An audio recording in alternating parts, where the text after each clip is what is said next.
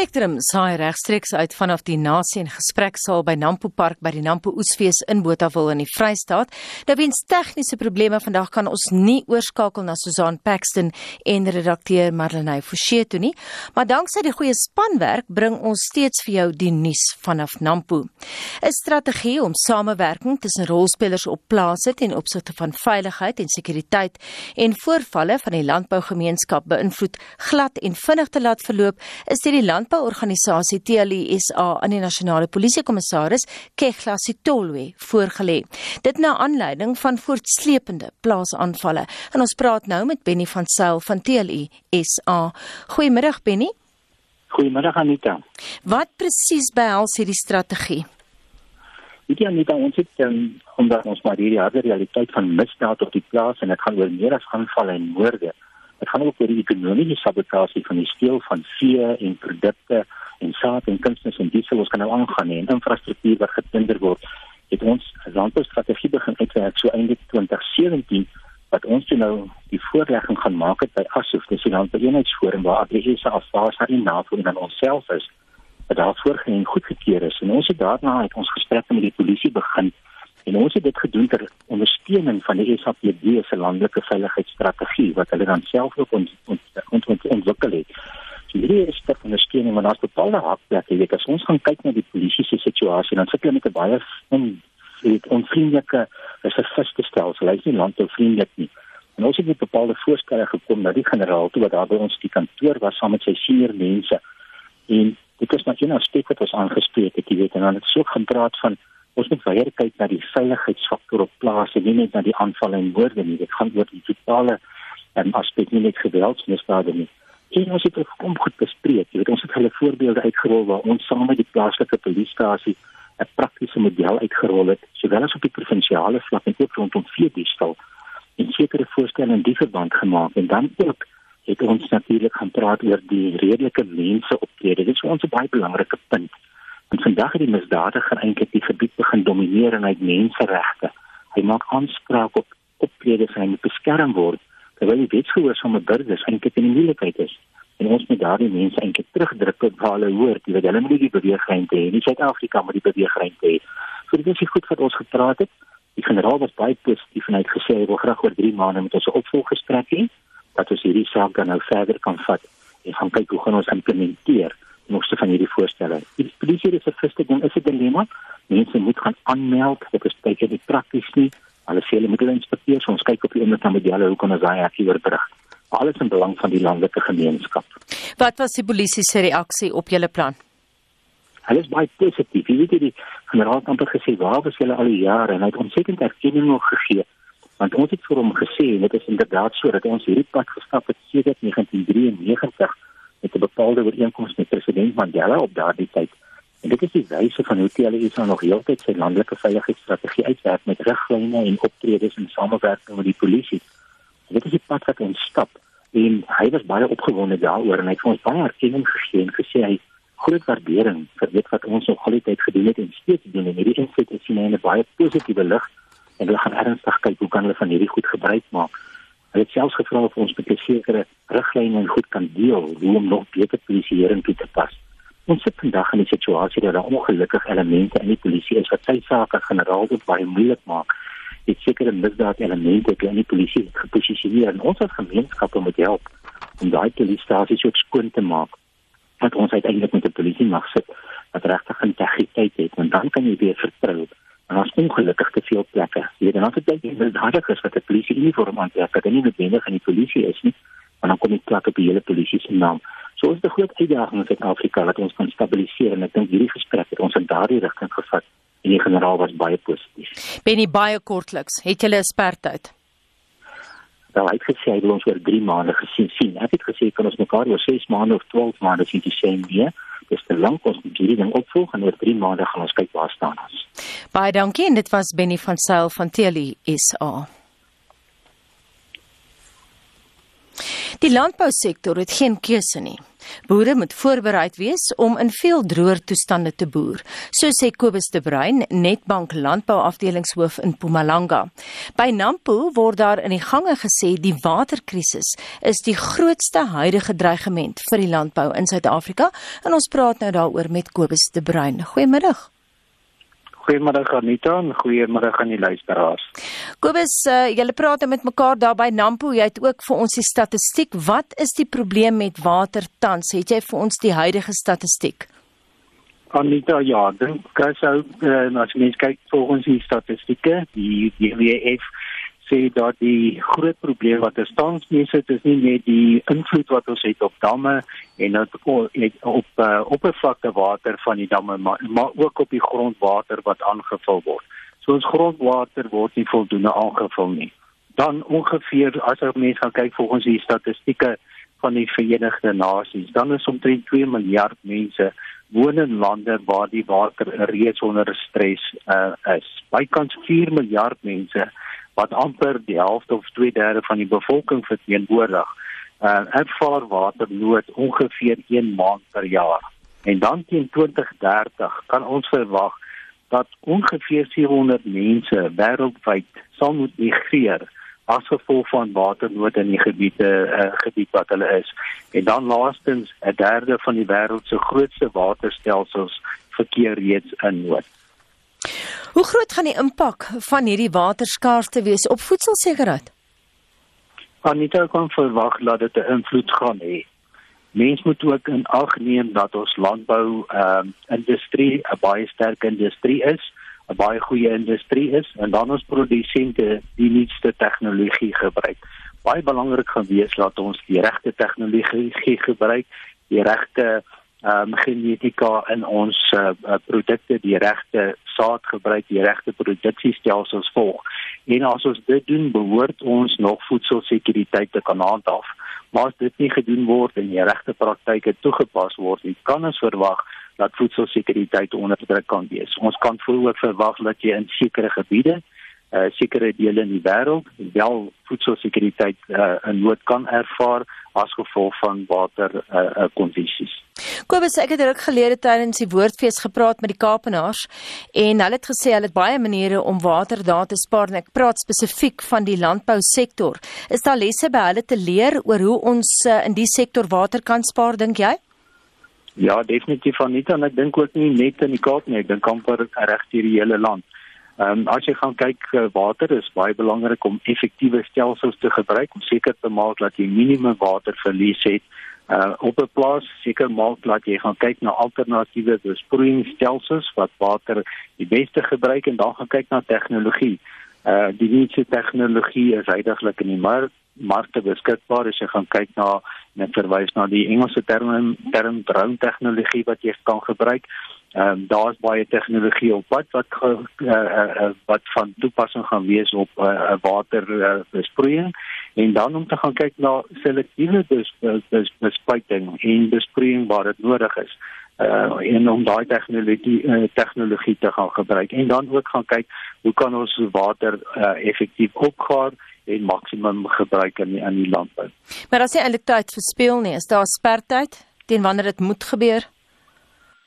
Anita, ek dink ons moet gister begin. Dit is die realiteit. Ehm um, die feit dat klimaat reeds verander, dat uh, waterdruk reeds met ons is, dit is daar. Ek ons kan selfs verwag dat ons sekere produksiegebiede gaan hê waar ons sekere gewasse nie meer kan verbou nie.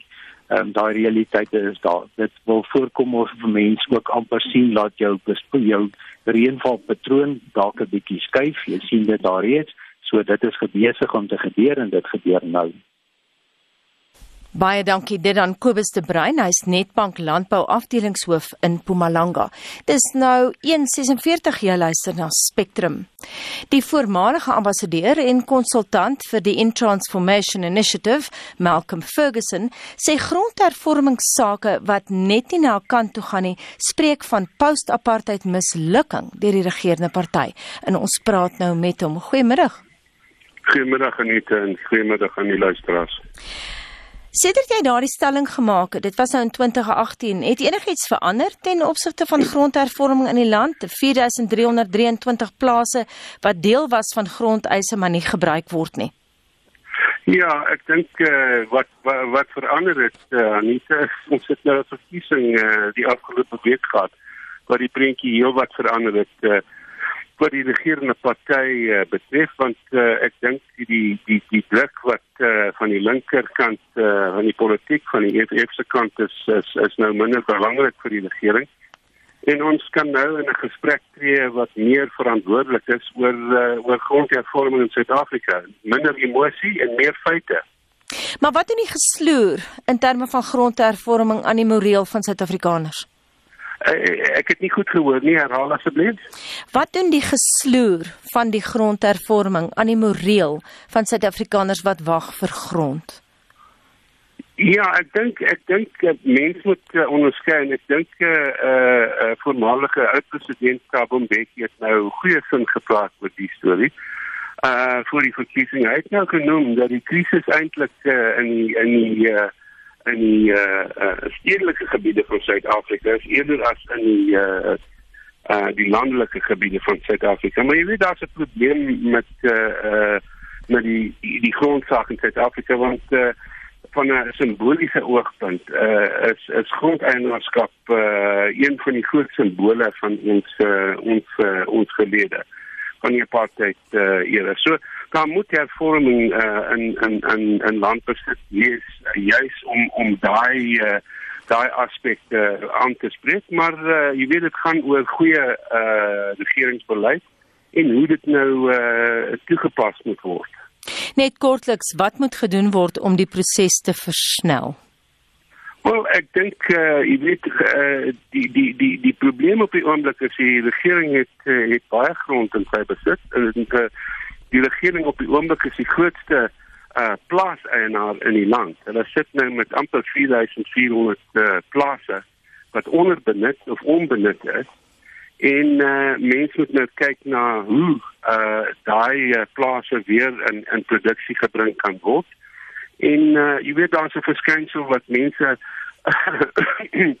nie baie van weet nie, maar veral in die tradisionele areas van Suid-Afrika het die uh, sosiale uh uh hierdie hierdie betalings wat uh, nou deur SARS betaal word uh nogal uh, groot impak gehad op uh, op mense wat in in die tradisionele areas uh, bly en mense het nou begin wegbeweeg uh, van uh um minder uh goed bediende areas waar die uh, baie baie sleg is en waar daar nie uh, uh, uh, maklike toegang is aan 'n ATM of 'n bank nie. En uh, as gevolg daarvan is daar nou 'n groot uh, toestroming na na die stedelike gebiede, selfs in in tradisionele areas. En as gevolg daarvan is daar nou groot uh, uh, areas grond wat uh, wat onderbenut is wat nou in produksie kan uh, kan kom. En die groot uitdaging is hoe kan ons nou uh, 'n model uitwerk om daai grond uh weer in in in in goeie produksie te bring en hoe kan dit 'n bydrae lewer tot tot tot uh, die vermindering van landelike armoede?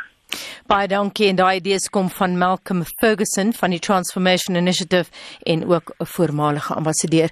Dis 151. My naam is Anita Visser. As jy wonder hoekom jy nie Susan Paxton se naam hoor nie, beide Susan en redakteur Marlenae Forsie is op Botawil in die Vrystaat by Nampo, maar ons het gewellige tegniese probleme vandag van uh, van waar die feit dat ek die onderhoude voer wat alles vir ons die navorsing gedoen is en opgestel is vir ons deur ons kollegas, maar ons saai dus uit vanuit Johannesburg die ateljee hier in Auckland Park. Moet grond wat in besit is van gemeenskappe gebruik word om op te boer? En hoe sou so 'n stelsel werk? Dis een van die opsies wat ondersoek word om grondhervorming te versnel. En dan praat ons ook met die president van Agri SA, Dan Kriek. Goeiemôre Dan. Goeiemôre en môre aan die luisteraars. Wat is die definisie van kommunale of ek weet nie gemeenskaplike grond sou ook 'n ander woord wees? Wat is die definisie daarvan?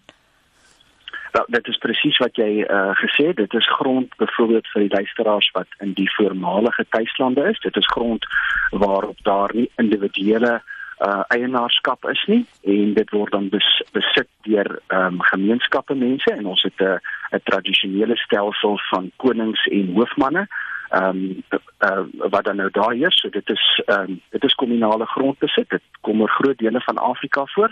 Uh, en in Suid-Afrika het ons natuurlik uh hierdie stelsel en dan het ons in ons kommersiële boerderygebiede het ons privaat eienaarskap uh van grond en dit is um, dit is 'n groot verskil tussen die twee. Moet dit herstruktureer word sodat daar kommersieel geboer kan word deur die gemeenskappe?